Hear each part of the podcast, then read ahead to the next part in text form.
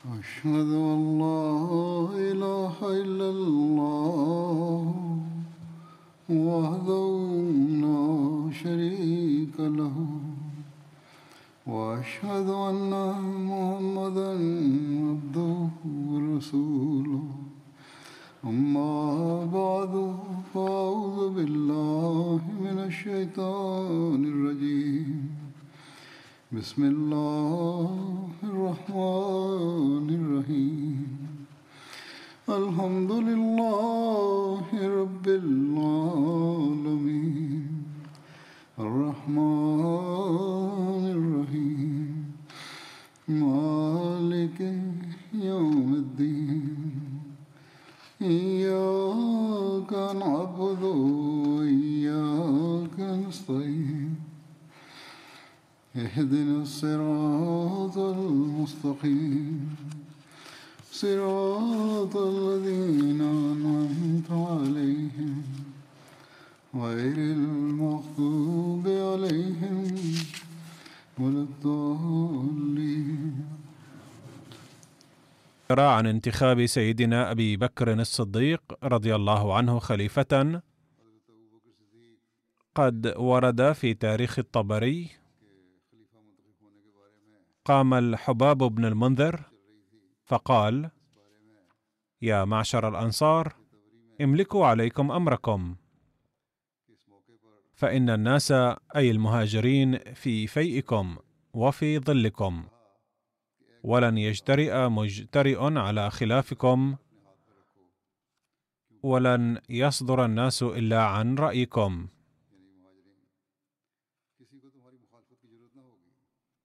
أنتم أهل العز والثروة وأولو العدد والمنعة والتجربة ذو البأس والنجده وإنما ينظر الناس إلى ما تصنعون. ولا تختلفوا فيفسد عليكم رأيكم وينتقض عليكم أمركم. وإن أبى هؤلاء إلا ما سمعتم فمنا أمير ومنكم أمير. فقال عمر هيهات لا يجتمع اثنان في قرن. والله لا ترضى العرب أن يؤمروكم ونبيها من غيركم.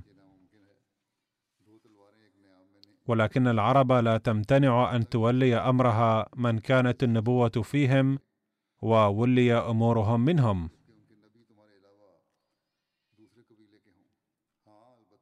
ولنا بذلك على من أبى من العرب الحجة الظاهرة والسلطان المبين. من ذا ينازعنا سلطان محمد وإمارته ونحن أولياؤه وعشيرته إلا مدل بباطل أو متجانف لإثم أو متورط في هلكة. فقام الحباب بن المنذر فقال يا معشر الأنصار املكوا على أيديكم ولا تسمعوا مقالة هذا وأصحابه فيذهب بنصيبكم من هذا الأمر. فإن أبوا عليكم ما سألتموه فاجلوهم عن هذه البلاد وتولوا عليهم هذه الأمور. فأنتم والله أحق بهذا الأمر منهم فإنه بأسيافكم دان لهذا الدين من دان ممن لم يكن يدين. أنا جذيلها المحكك وغذيقها المرجب. أما والله لئن شئتم لنعيدنها جذعة. فقال عمر اذا يقتلك الله. قال بل إياك يقتل. فقال أبو عبيدة يا معشر الأنصار إنكم أول من نصر الدين وآزر فلا تكونوا أول من بدل وغير. فقام بشير بن سعد أبو النعمان بن بشير فقال يا معشر الأنصار إنا والله لئن كنا أولي فضيلة في جهاد المشركين وسابقة في هذا الدين ما أردنا به إلا رضا ربنا وطاعة نبينا والكدح لأنفسنا فما ينبغي لنا أن نستطيل على الناس بذلك ولا نبتغي به من الدنيا عرضا فإن الله ولى المنة علينا بذلك. ألا إن محمدا صلى الله عليه وسلم من قريش وقومه أحق به وأولى. وأيم الله لا يراني الله أنازعهم هذا الأمر ابدا فاتقوا الله ولا تخالفوهم ولا تنازعوهم.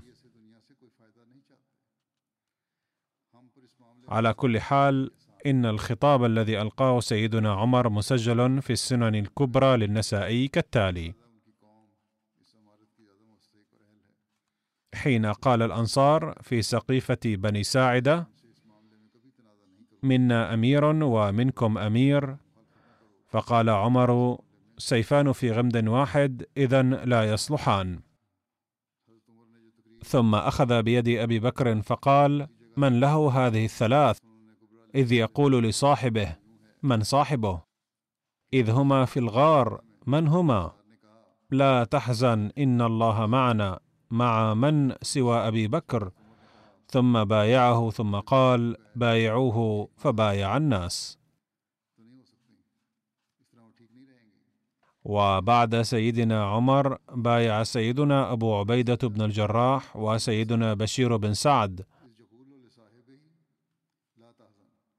وكذلك بايع جميع الأنصار سيدنا أبا بكر رضي الله عنه.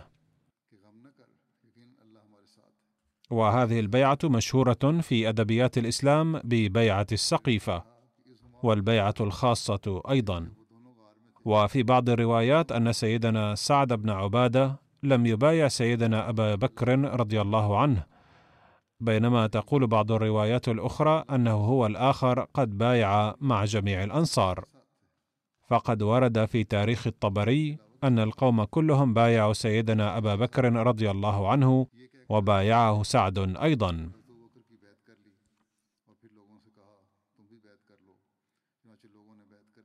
يقول سيدنا المصلح الموعود رضي الله عنه عن الخلافة بعد وفاة النبي صلى الله عليه وسلم انظروا قد أقيمت الخلافة بعد محمد رسول الله صلى الله عليه وسلم وما أروعها من خلافة. فبعد وفاته صلى الله عليه وسلم انتخب أبو بكر خليفة. عندها أراد الأنصار أن يكون منهم أمير ومن المهاجرين أميرا. فتوجه إليهم فورا سيدنا أبو بكر وسيدنا عمر وغيرهما من الصحابة رضوان الله عليهم. حيث كان الأنصار قد اجتمعوا. فقالوا لهم أن موضوع خليفتين باطل فلن يتقدم الإسلام بالتفرقة فلا بد من خليفة واحد. وإذا افترقتم فسوف تتمزق وحدتكم وتزول عزتكم وسوف يمزقكم العرب. فلا تتكلموا عن ذلك. فبدأ بعض الأنصار بتقديم الأدلة خلاف ذلك. يقول سيدنا عمر إني قلت في نفسي إن أبا بكر لا يعرف الخطابة. لذا سوف أخاطب الأنصار. لكنه حين بدأ يحدثهم فقد بين لهم جميع الأدلة التي كنت أريد بيانها. بل زاد عليها فقلت في نفسي اليوم فاقني هذا الشيخ. وأخيرا نزل فضل الله تعالى بحيث قام بعض الأنصار فقالوا ان ما قاله أبو بكر هو الصواب إذ لن يطيع العرب سوى أهل مكة. ثم قال أحد الأنصار مثيرا العواطف يا قوم قد بعث الله في هذا البلد نبيه فأخرجه أهله من المدينة فآويناه في بيوتنا وبذلك أكرمنا الله تعالى فكنا سكان المدينة مجهولين. أذلاء فأصبحنا بفضل هذا الرسول مشهورين مكرمين. فاكتفوا بما جعلنا الله به مكرمين ولا تطمعوا أكثر فيصيبنا منه ضرر. عندها قال سيدنا أبو بكر رضي الله عنه اعلموا أنه لا بد من اختيار الخليفة. فلكم أن تجعلوا من تريدونه خليفة فلا رغبة لي في أن أكون خليفة. ثم قال هذا أبو عبيدة بن الجراح قد سماه النبي صلى الله عليه وسلم بأمين الأمة فبايعوه. ويمكنكم أن تبايعوا عمر الذي هو سيف مسلول للإسلام. فقال سيدنا عمر اقطع الكلام يا أبا بكر ومد يدك وبايعنا. فخلق الله الشجاعة في قلب أبي بكر فبايعهم. لقد ورد أكثر عن البيعة العامة لسقيفة بني ساعدة أن رسول الله صلى الله عليه وسلم توفي يوم الاثنين. وانشغل الناس في بيعة سيدنا أبي بكر رضي الله عنه في السقيفة فيما تبقى من يوم الاثنين صباح يوم الثلاثاء في المسجد. عن أنس بن مالك قال لما بويع أبو بكر في السقيفة وكان الغد. جلس أبو بكر فقام عمر فتكلم قبل أبي بكر فحمد الله وأثنى عليه لما هو أهله ثم قال أيها الناس إني قد قلت لكم بالأمس مقالة ما كانت وما وجدتها في كتاب الله ولا كانت عهدا عهده إلي رسول الله صلى الله عليه وسلم. ولكني قد كنت أرى أن رسول الله صلى الله عليه وسلم سيدبر أمرنا ويكون آخرنا. وإن الله قد أبقى فيكم الذي به هدي رسول الله صلى الله عليه وسلم. فإن اعتصمتم به هداكم الله لما كان هداه الله. وإن الله قد جمع أمركم على خيركم صاحب رسول الله صلى الله عليه وسلم وثاني اثنين إذ هما في الغار فقوموا فبايعوه فبايع الناس أبا بكر بعد بيعة السقيفة. ثم تكلم أبو بكر فحمد الله وأثنى عليه بما هو أهله. ثم قال أما بعد أيها الناس فإني قد وليت عليكم ولست بخيركم. فإن أحسنت فأعينوني. وإن أسأت فقوموني. الصدق أمانة والكذب خيانة. والضعيف منكم قوي عندي حتى أزيح علته إن شاء الله. والقوي فيكم ضعيف حتى آخذ منه الحق إن شاء الله. لا يدع قوم الجهاد في سبيل الله إلا ضربهم الله بالذل. ولا يشيع قوم قط الفاحشة إلا عمهم الله بالبلاء. أطيعوني ما أطعت الله ورسوله. فإذا عصيت الله ورسوله فلا طاعة لي عليكم. قوموا إلى صلاتكم يرحمكم الله. وعن بيعة سيدنا علي رضي الله عنه أيضا يذكر شتى الأقاويل.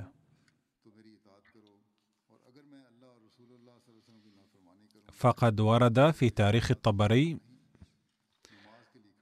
عن حبيب ابن أبي ثابت قال كان علي في بيته إذ أتى فقيل له قد جلس أبو بكر للبيعة فخرج في قميص ما عليه إزار ولا رداء عجلا كراهية أن يبطئ عنها حتى بايعه ثم جلس إليه وبعث إلى ثوبه فأتاه فتخلله ولزم مجلسه.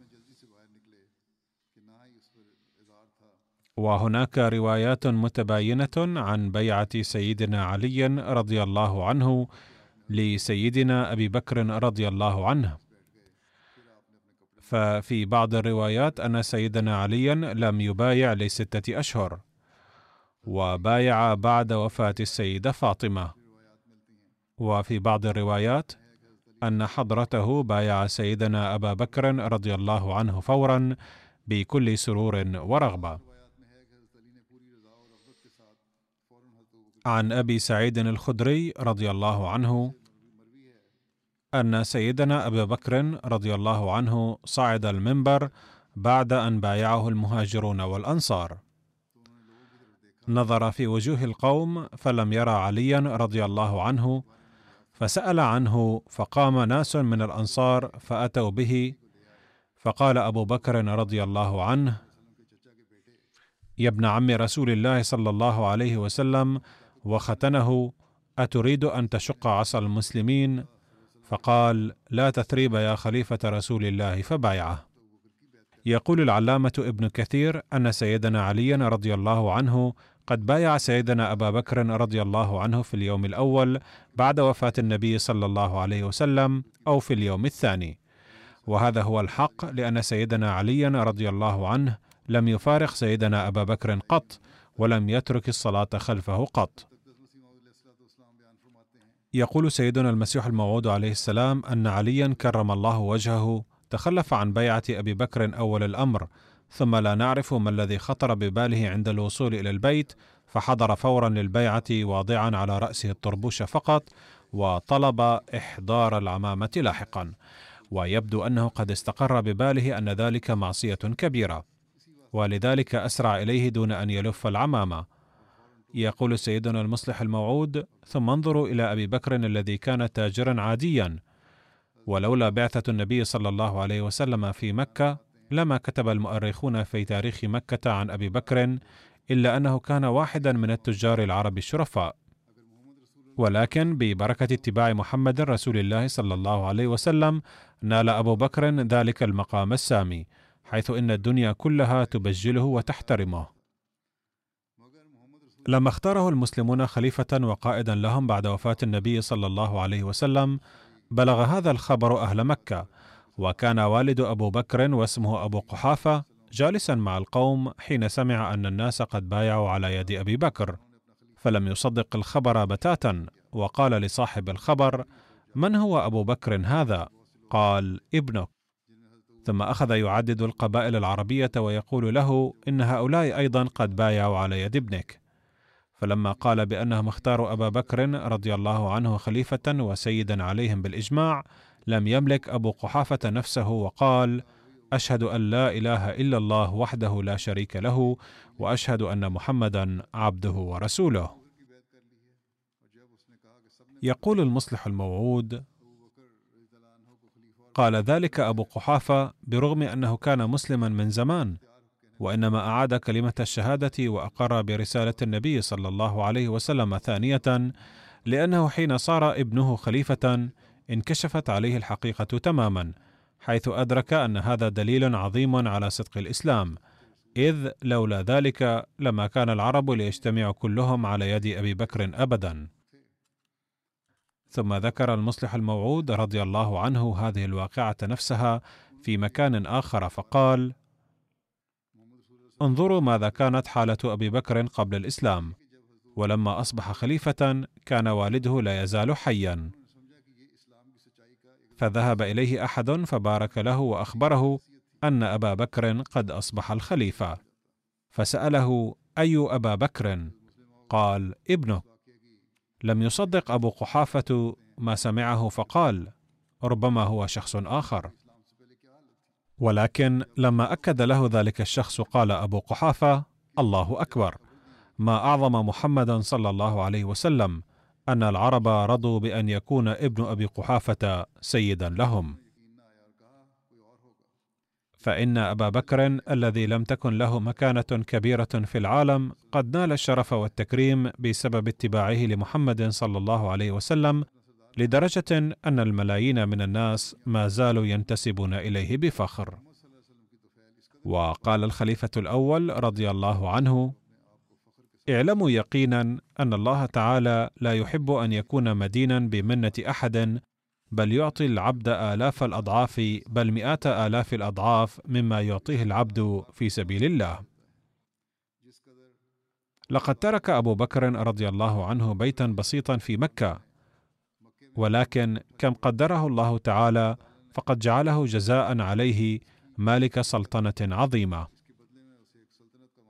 وهناك رؤيا النبي صلى الله عليه وسلم عن خلافة أبي بكر رضي الله عنه فقد رويت في رواية عن عبد الله بن عمر رضي الله عنهما قال قال رسول الله صلى الله عليه وسلم أريت في المنام أني أنزع بدلو بكرة على قليب فجاء أبو بكر فنزع ذنوبا أو ذنوبين نزعا ضعيفا والله يغفر له.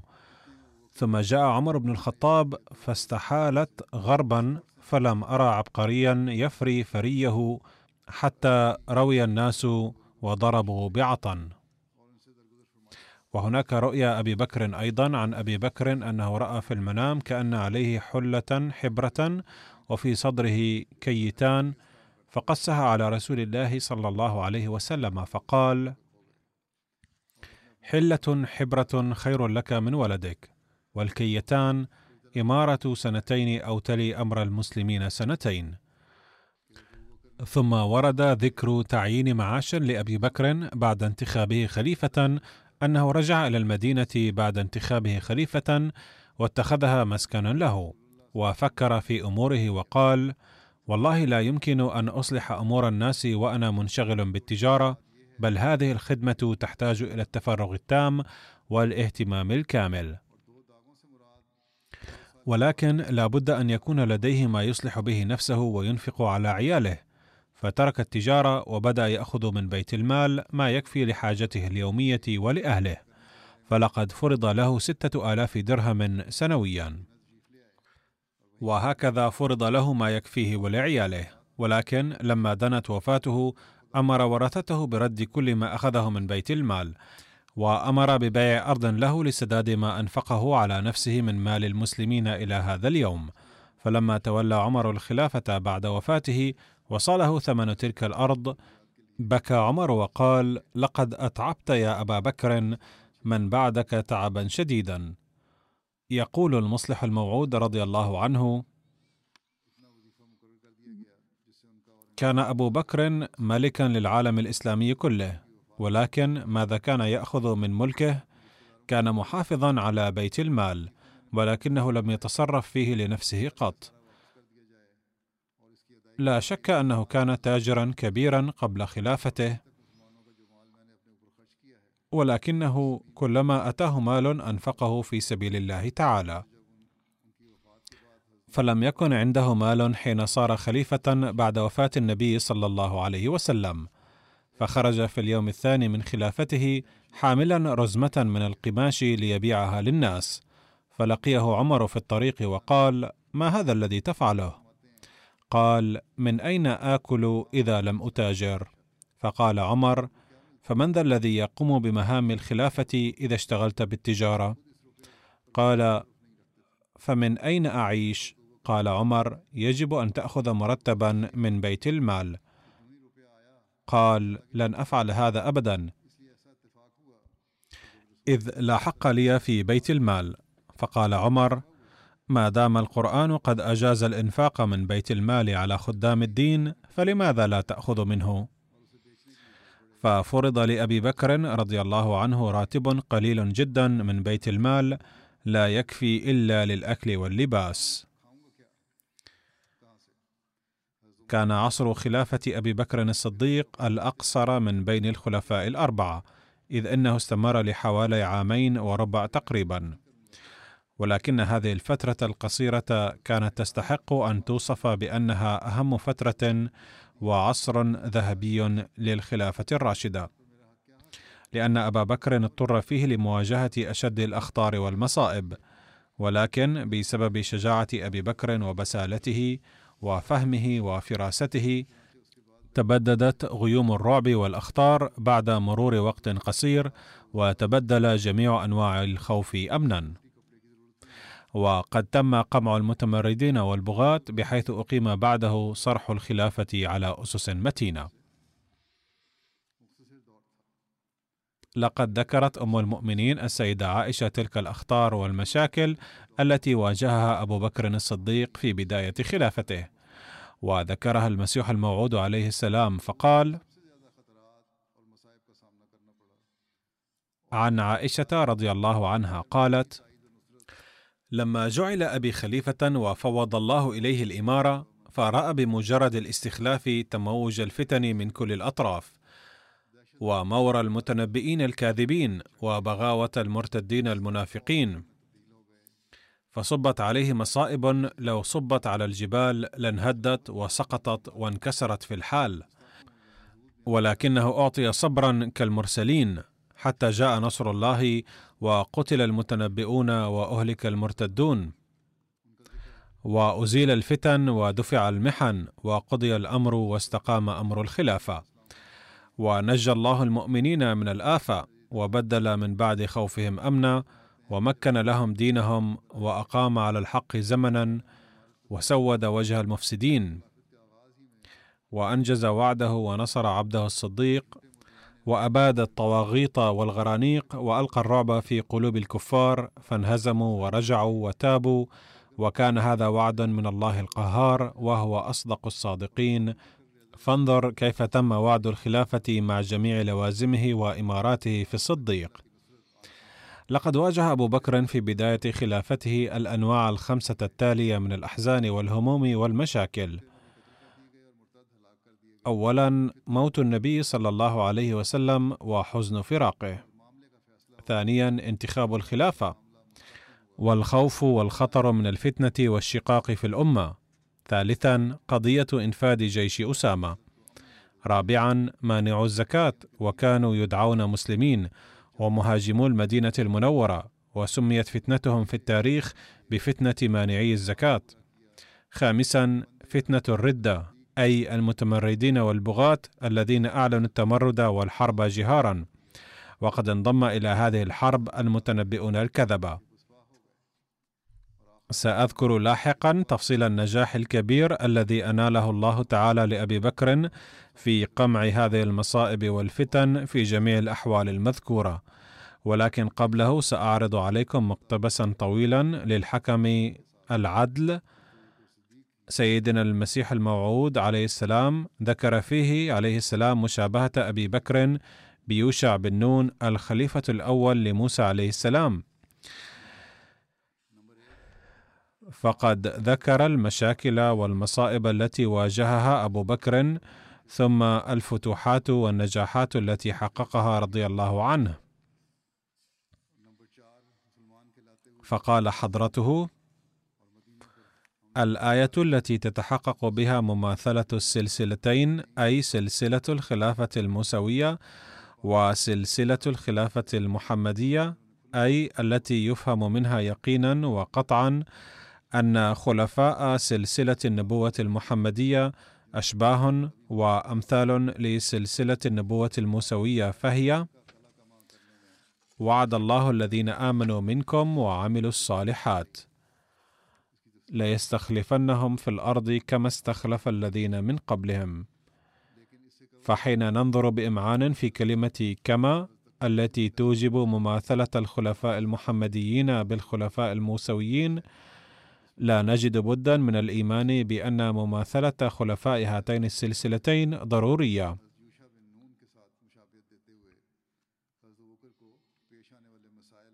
وإن أول من وضع الأساس للمماثلة هو أبو بكر رضي الله عنه. وأما الذي هو مظهر النموذج الأخير للمماثلة فهو ذلك المسيح خاتم الخلفاء المحمديين الذي هو آخر خلفاء سلسلة الخلافة المحمدية.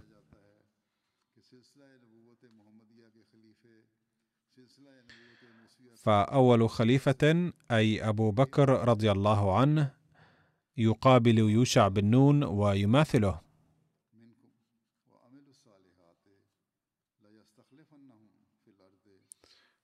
وهو الذي اختاره الله بعد وفاة النبي صلى الله عليه وسلم ليكون أول خليفة له. ونفخ فيه روح الفراسة أكثر من الجميع. حتى إنه تمكن من حل جميع المشاكل التي سيواجهها خاتم الخلفاء المتمثلة في العقيدة الباطلة بحياة المسيح.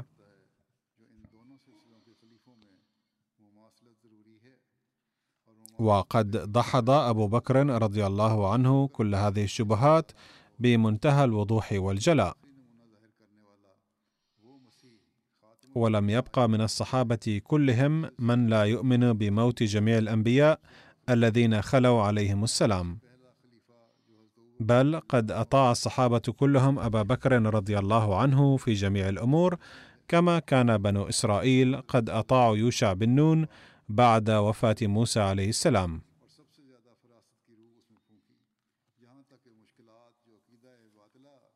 وكذلك قد حمى الله تعالى أبا بكر وأيده أيضا. كما كان مع النبي صلى الله عليه وسلم على شاكلة موسى ويوشع بن نون. يوشع بن نون ويشوع بن نون هو اسم شخصية واحدة يقول حضرته فقد باركه الله في الحقيقة كيشوع بن نون بحيث لم يقدر اي عدو على التصدي له وإن المهمة غير الكاملة ببعث جيش أسامة التي تشبه مهمة موسى غير الكاملة. قد حققها على يد أبي بكر الصديق رضي الله عنه.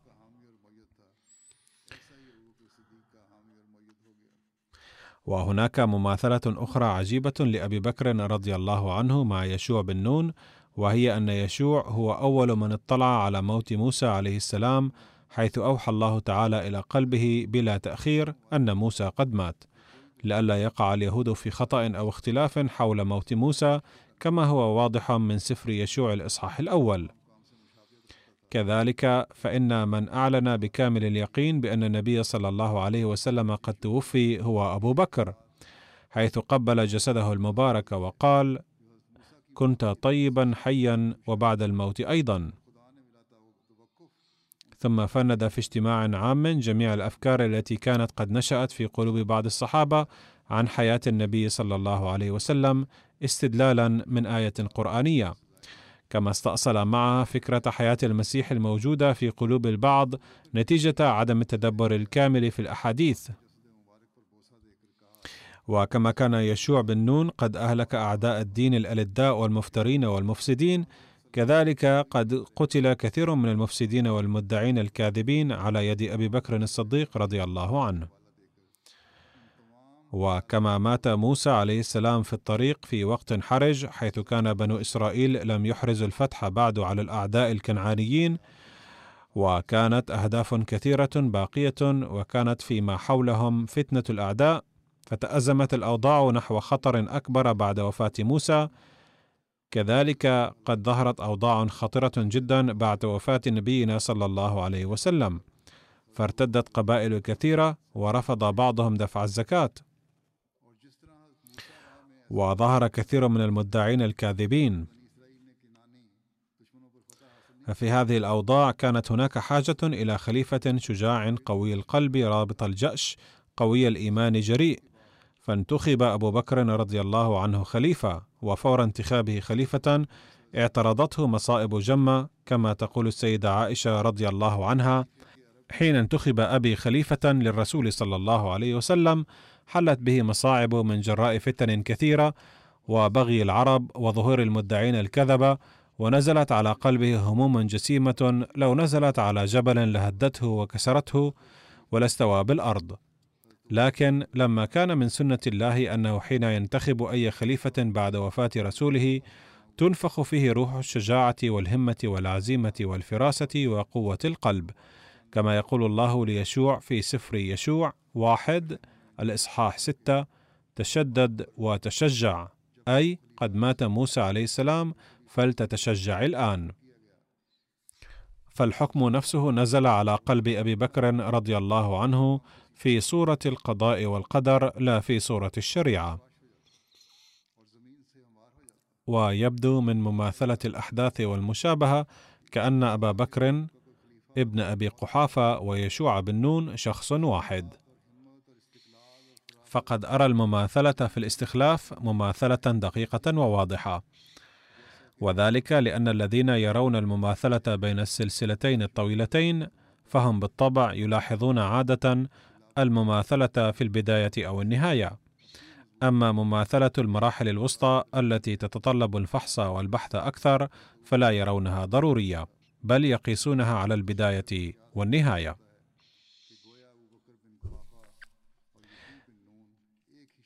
لهذا فإن الله قد حقق بجلاء تام المماثلة بين يشوع بن نون وأبي بكر وهما في أول سلسلة الخلافتين. بالإضافة إلى المماثلة بين عيسى بن مريم والمسيح الموعود من هذه الأمة وهما في آخر سلسلة الخلافتين. فمثلا جعل أبا بكر مثيل يشوع لدرجة يبدو وكأنهما شخص واحد أو قطعتا جوهر واحد. وكما كان بنو إسرائيل مطيعي يشوع بن نون بعد وفاة موسى عليه السلام ولم يختلفوا معه وأبدى الجميع طاعتهم له فقد ظهر الحادث نفسه لأبي بكر رضي الله عنه أيضا إذ قبل الصحابة كلهم خلافته برغبة قلبية دامعي العيون بفراق النبي صلى الله عليه وسلم باختصار إن مماثلة أبي بكر رضي الله عنه مع يشوع بن نون عليه السلام متحققة من كل النواحي.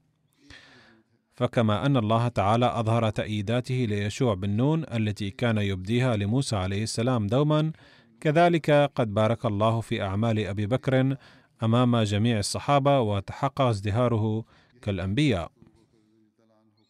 فقد قتل المفسدين والمدعين الكذب بتلقي القوة والجلال من الله ليعرف الصحابة رضي الله عنهم أن الله كان معه كما كان مع النبي صلى الله عليه وسلم.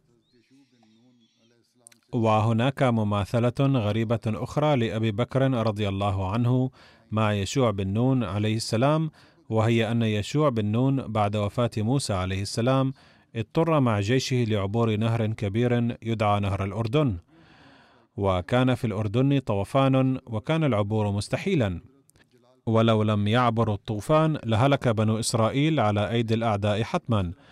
وكان هذا أول أمر هائل تعرض له يشوع بن نون في خلافته بعد وفاة موسى عليه السلام. فنجى الله يشوع بن نون مع جيشه من ذلك الطوفان بصورة إعجازية إذ جفف نهر الأردن فعبره بسهولة وكان الجفاف نوعا من المد والجزر أو كان مجرد معجزة فوق العادة. على كل حال قد أنقذه الله من الطوفان والعدو على هذا النحو. فتعرض أبو بكر الخليفة الحق أيضا بعد وفاة النبي صلى الله عليه وسلم مع جماعة الصحابة بأسرها التي يقدر عددها بأكثر من مائه ألف لطوفان مشابه بل أكثر منه شدة إذ انتشر التمرد العنيف في البلاد. فالأعراب الذين قال الله بحقهم قالت الأعراب آمنا قل لم تؤمنوا. ولكن قولوا أسلمنا ولما يدخل الإيمان في قلوبكم. كان لابد أن يتمردوا لكي تتحقق هذه النبوءة. وهكذا حدث. إذ قد ارتدوا كلهم ورفض بعضهم أداء الزكاة. وبعض الأشرار ادعوا النبوة فانضم إليهم مئات الآلاف من الأشقياء. وكثر عدد الأعداء لدرجة أن لم يكن للصحابة أي نسبة مقارنة معهم. فظهر طوفان عنيف في البلد وكان هذا الطوفان أشد هولا من تلك المياه المخيفة التي تعرض لها يشوع بن نون عليه السلام.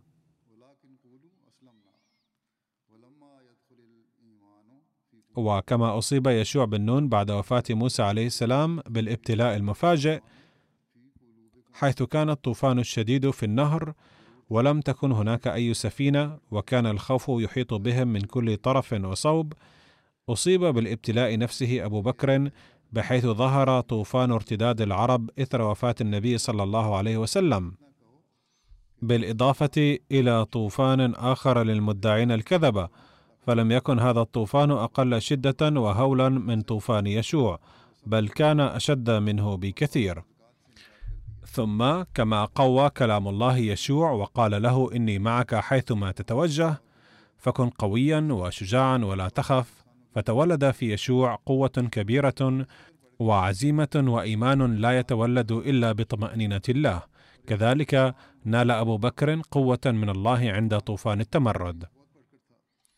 والذي له اطلاع على تاريخ الإسلام في تلك الحقبة يستطيع أن يشهد أن ذلك الطوفان كان عنيفا لدرجة كان يمكن أن ينقرض الإسلام في ذلك اليوم لو لم تكن يد الله مع أبي بكر ولم يكن الإسلام في الحقيقة من الله ولو لم يكن أبو بكر رضي الله عنه فعلا خليفة صادقا.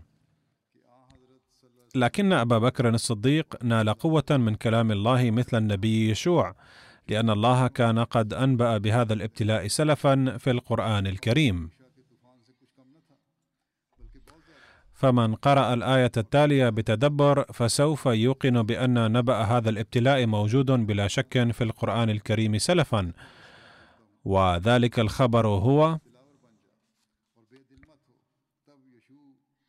وعد الله الذين آمنوا منكم وعملوا الصالحات ليستخلفنهم في الأرض كما استخلف الذين من قبلهم وليمكنن لهم دينهم الذي ارتضى لهم وليبدلنهم من بعد خوفهم أمنا يعبدونني لا يشركون بي شيئا ومن كفر بعد ذلك فأولئك هم الفاسقون. ويقرأ حضرته ترجمة حضرة المسيح الموعود عليه السلام بنفسه هنا هذه الآية إلى اللغة الأردية ثم قال فلاحظوا قد قال الله بوضوح في هذه الآية إن زمن الخوف أيضا سيأتي ويزول الأمن. لكن الله تعالى سيبدل ذلك الخوف امنا. فهذا الخوف نفسه تعرض له يشوع بالنون أيضا. فكما نال الطمأنينة من كلام الله فقد تلقى أبو بكر رضي الله عنه أيضا الطمأنينة من الكلام الإلهي. هذا الكلام ورد في التحفة الجولروية. وسأذكر تفصيل الأمور الخمسة لاحقا بإذن الله تعالى.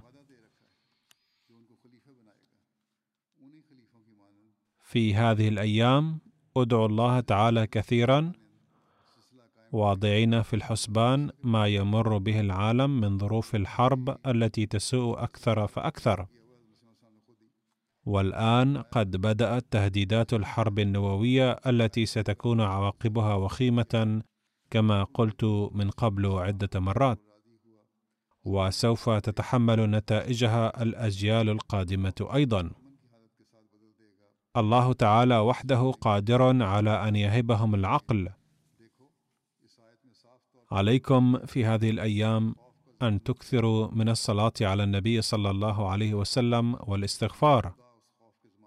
عفى الله عن ذنوبنا ووهب قادة العالم أيضا العقل والفطنة. كان المسيح الموعود عليه السلام في فترة معينة قد نصح أفراد الجماعة بوجه خاص أن يكثروا من الدعاء. ربنا آتنا في الدنيا حسنة وفي الآخرة حسنة وقنا عذاب النار. وقال: ادعوا بهذا الدعاء حالة القيام بعد الركوع. وفي هذه الأيام أيضا ثمة حاجة للإكثار من هذا الدعاء. آتى الله الجميع حسنات وحماهم جميعا من عذاب النار من كل نوع.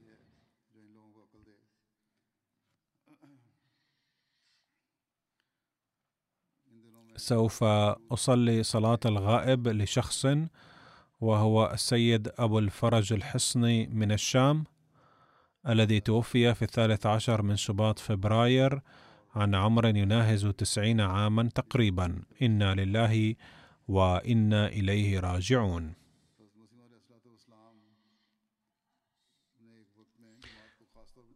كان أبوه السيد محمد الحصني من الأحمديين الأوائل الذين بايعوا عن طريق مولانا جلال الدين شمس.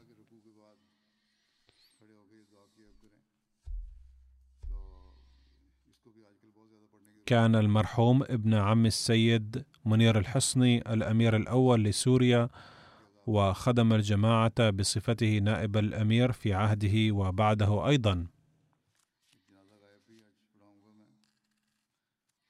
وولد في عام 1933 وكان متأثرا جدا من تقوى عمه السيد منير الحصني وورعه وعلمه وكان كثيرا ما يحضر مجلسه. كان عمره خمسة عشر عاما حين سمع في أحد الأيام صوت القرآن الكريم في الراديو مما رقى قلبه وبدأ بالبكاء فتوجه إلى عمه منير الحصني وقال له أريد أن أعرف أكثر عن الله تعالى. فأعطاه عمه أحد كتب المسيح الموعود عليه السلام وبعد قراءة الكتاب تغيرت حالة قلبه تماما وذهب إلى عمه وقال له أريد أن أبايع. وقد حظي بشرف اللقاء مع ثلاثة من خلفاء المسيح الموعود عليه السلام تشرف بلقاء الخليفة الثاني رضي الله عنه وحراسته أثناء زيارته لدمشق في عام 1955 ثم في عام 1972 ذهب إلى باكستان ومكث في ربوة بضعة أشهر في صحبة الخليفة الثالث رضي الله عنه. وتعلم اللغة الأردية وعلوم الجماعة وفي الرحلة نفسها وجد فرصة زيارة قاديان ثم في عام 1986 زار بريطانيا بمناسبة الجلسة السنوية ونال شرف اللقاء مع الخليفة الرابع رضي الله عنه ثم في عام 2017 زار قاديان مرة أخرى وألقى خطبة وجيزة باللغة العربية في الجلسة السنوية. كان المرحوم صالحا وورعا ومخلصا وعالما تقيا. لم تكن له ذرية وزوجته غير أحمدية. قال رئيس الجماعة في سوريا: قد تشرفت بمرافقته إلى قاديان في عام 2017 ورغم ضعفه الشديد كنا نشعر أنه لا يمشي على الأرض بل يطير في الهواء شوقا وكان من قبل لا يريد الذهاب بسبب المرض ولكن حين قلت له يمكنك أن تذهب فقال لقد جاء الأمر من الخليفة أو إذا قال الخليفة اذهب فلا بأس سأذهب. وبفضل الله تعالى تحسن هو وزوجته من المرض وزال الضعف. فذهب المرحوم إلى قاديان وصعد منارة المسيح وقال الناس أنه صعد بسرعة لا يستطيع الشباب الصعود مثله مع أنه كان من قبل يشعر بصعوبة حتى في المشي. قال الدكتور مسلم الدروبي كان المرحوم ولي الله ومن أبدال الشام ويشهد على ذلك الجميع وأنا أيضا كان من التجار المعروفين في دمشق وأسوة يستحق التقليد وكان يملك سمعة طيبة في السوق كان حكيما وذهينا وملتزما بصلاة التهجد وصاحب الرؤى الصادقة التي تحققت وكثير منها كانت متعلقة بظروف سوريا ومصائبها. حين كان الدعاة يأتون سوريا لتعلم اللغة العربية، كان المرحوم يحترمهم جدا لأنهم مبعوثون من الخليفة ولأنهم وقفوا حياتهم للتبليغ. قال حسام النقيب رئيس الجماعة السابق وهو الآن في تركيا: كان المرحوم يتميز بخصال طيبة كثيرة أهمها حبه للمسيح الموعود عليه السلام ثم حبه للخلافة والخلفاء.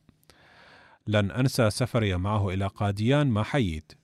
كل شيء في هذا السفر كان معجزة. صاحبته في كل الوقت في قاديان وكان كل دعائه في قاديان اللهم انصر الخليفة اللهم بارك بعمره وكل أمره.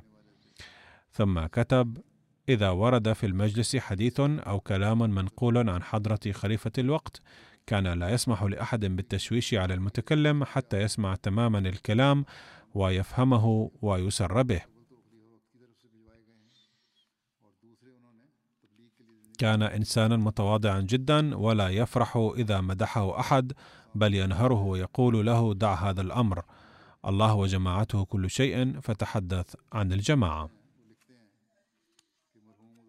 لم يترك قراءة كتب المسيح الموعود عليه السلام قط ولم يترك قراءة كتب الجماعة إلا في سنواته الأخيرة التي أضعفته. وكان متعلقا بشدة بتفسير المصلح الموعود رضي الله عنه. وكان إذا سئل عن تفسير آية ما كان يحكي تفسير المصلح الموعود ويشرح تفسيره. قال ابن أختي المرحوم السيد محمد عمار المسكي من المملكة المتحدة حين بلغت الرابعة عشر من عمري كنت أصلي صلاة الجمعة معه في زاوية الحصن وبعد الصلاة كنت أعود معه إلى البيت وفي الطريق كنت أسأله من علوم الجماعة وكان يجيب بالتفصيل. حينها لم تكن كتب الجماعة ميسرة في سوريا وكان للمرحوم دور كبير في نقل علوم الجماعة إلى الأحمديين في سوريا.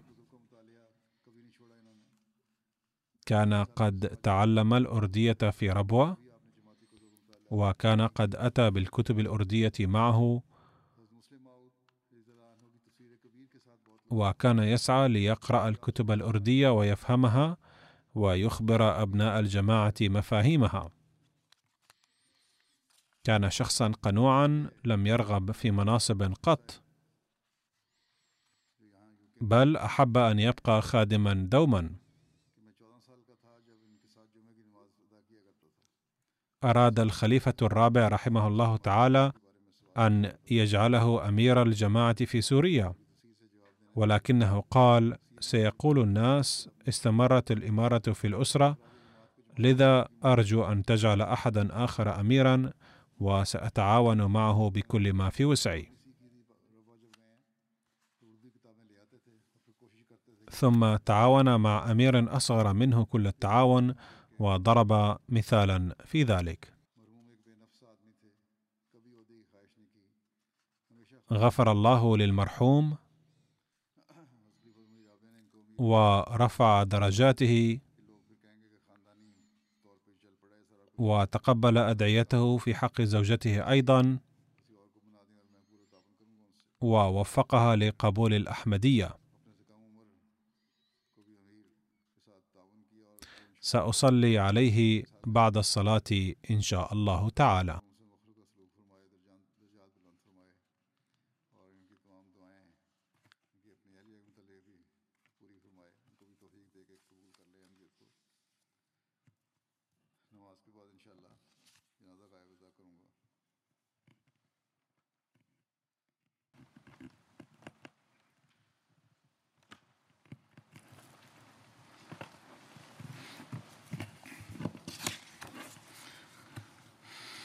الحمد لله الحمد لله نحمده ونستعينه ونستغفره ونؤمن به ونتوكل عليه.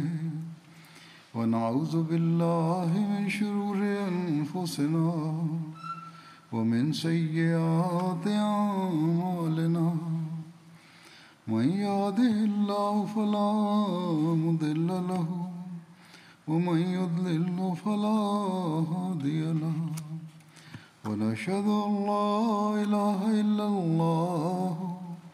ونشهد أن محمدا عبده ورسوله. عباد الله رحمكم الله.